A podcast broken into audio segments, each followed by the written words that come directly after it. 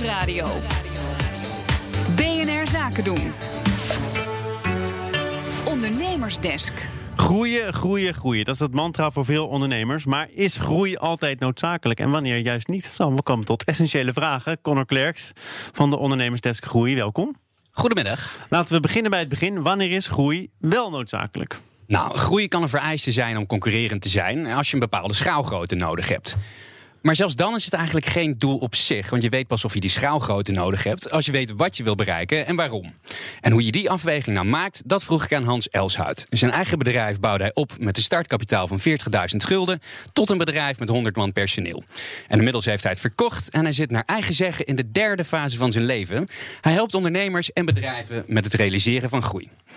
En hij vindt groei eigenlijk zwaar overgewaardeerd. Want Zou ik ook zeggen, als ik eh, van 40.000 gulden 100 man personeel gemaakt heb... en dan groei overgewaardeerd vinden. Maar goed, Ja, het concept ervan vindt Oh. hij eh, zeg maar een beetje overgewaardeerd. Want groeien om het groeien, eh, daar is hij gewoon geen fan van. En wat je eigenlijk wil, eh, dat je met je bedrijf een behoefte ziet. En daar wil je mensen bereiken met je oplossing. Dus bepaal wat je wil zijn voor wie. En dan kan het zijn dat groei voor jou een manier is om dat te bereiken. Maar groei aan zich, dat moet nooit je doel zijn.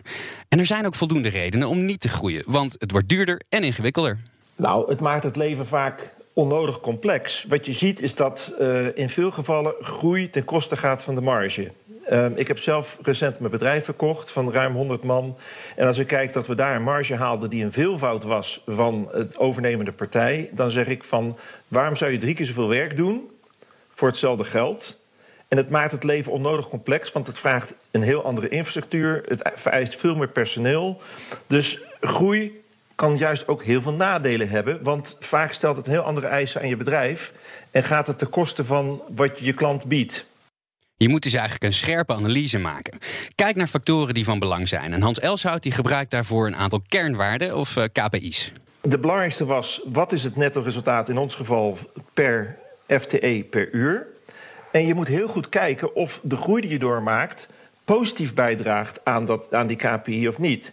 En in veel gevallen gaat groei ten koste van je KPI's. Dus je moet eerst bepalen welke KPI's cruciaal zijn... om succesvol jouw markt te bedienen met dat unieke aanbod wat jij hebt...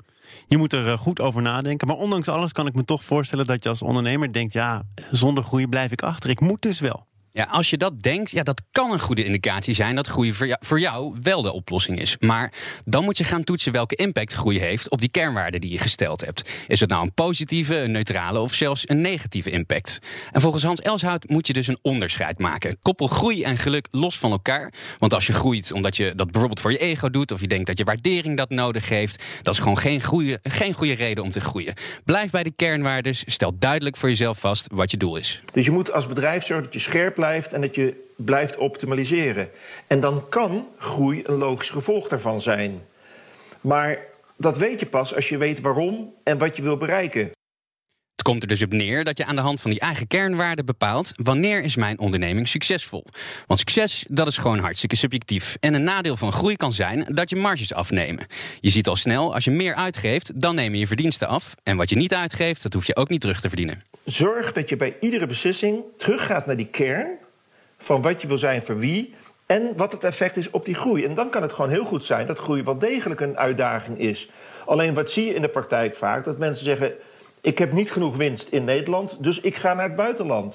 Ja, ja, dus in Nederland lukt het niet. En juist dan denk je, dan ga ik over de grens. Dat is toch, toch gek eigenlijk? Waarom zou dat werken? Ja, dat vroeg ik dus ook aan Hans, want hij zegt dat deze eh, stap vaak juist als een soort afleiding gebruikt wordt. Ik vind Tesla daar een heel duidelijk voorbeeld van. Als je geen winst maakt, moet je vooral nieuwe luchtkastelen eh, lanceren. Maar luchtkastelen hebben hele dure onderhoudskosten. Daar ga je geen huur van betalen, daar ga je je mensen niet mee binden. En als het schaars is wat betreft het vinden van goede mensen, moet je vooral zorgen dat die mensen worden ingezet op die plekken waar je geld verdient.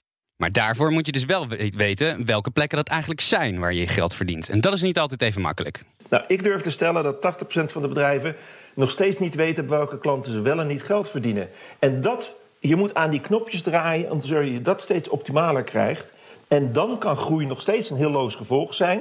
Maar dan is groei ook iets goeds. Maar groei als doel op zich kan nooit de bedoeling zijn geweest van het ondernemen waarmee je begonnen bent.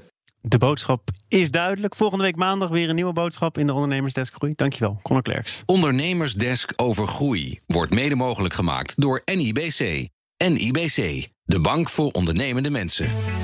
BNR Nieuwsradio. Thomas van Zeil.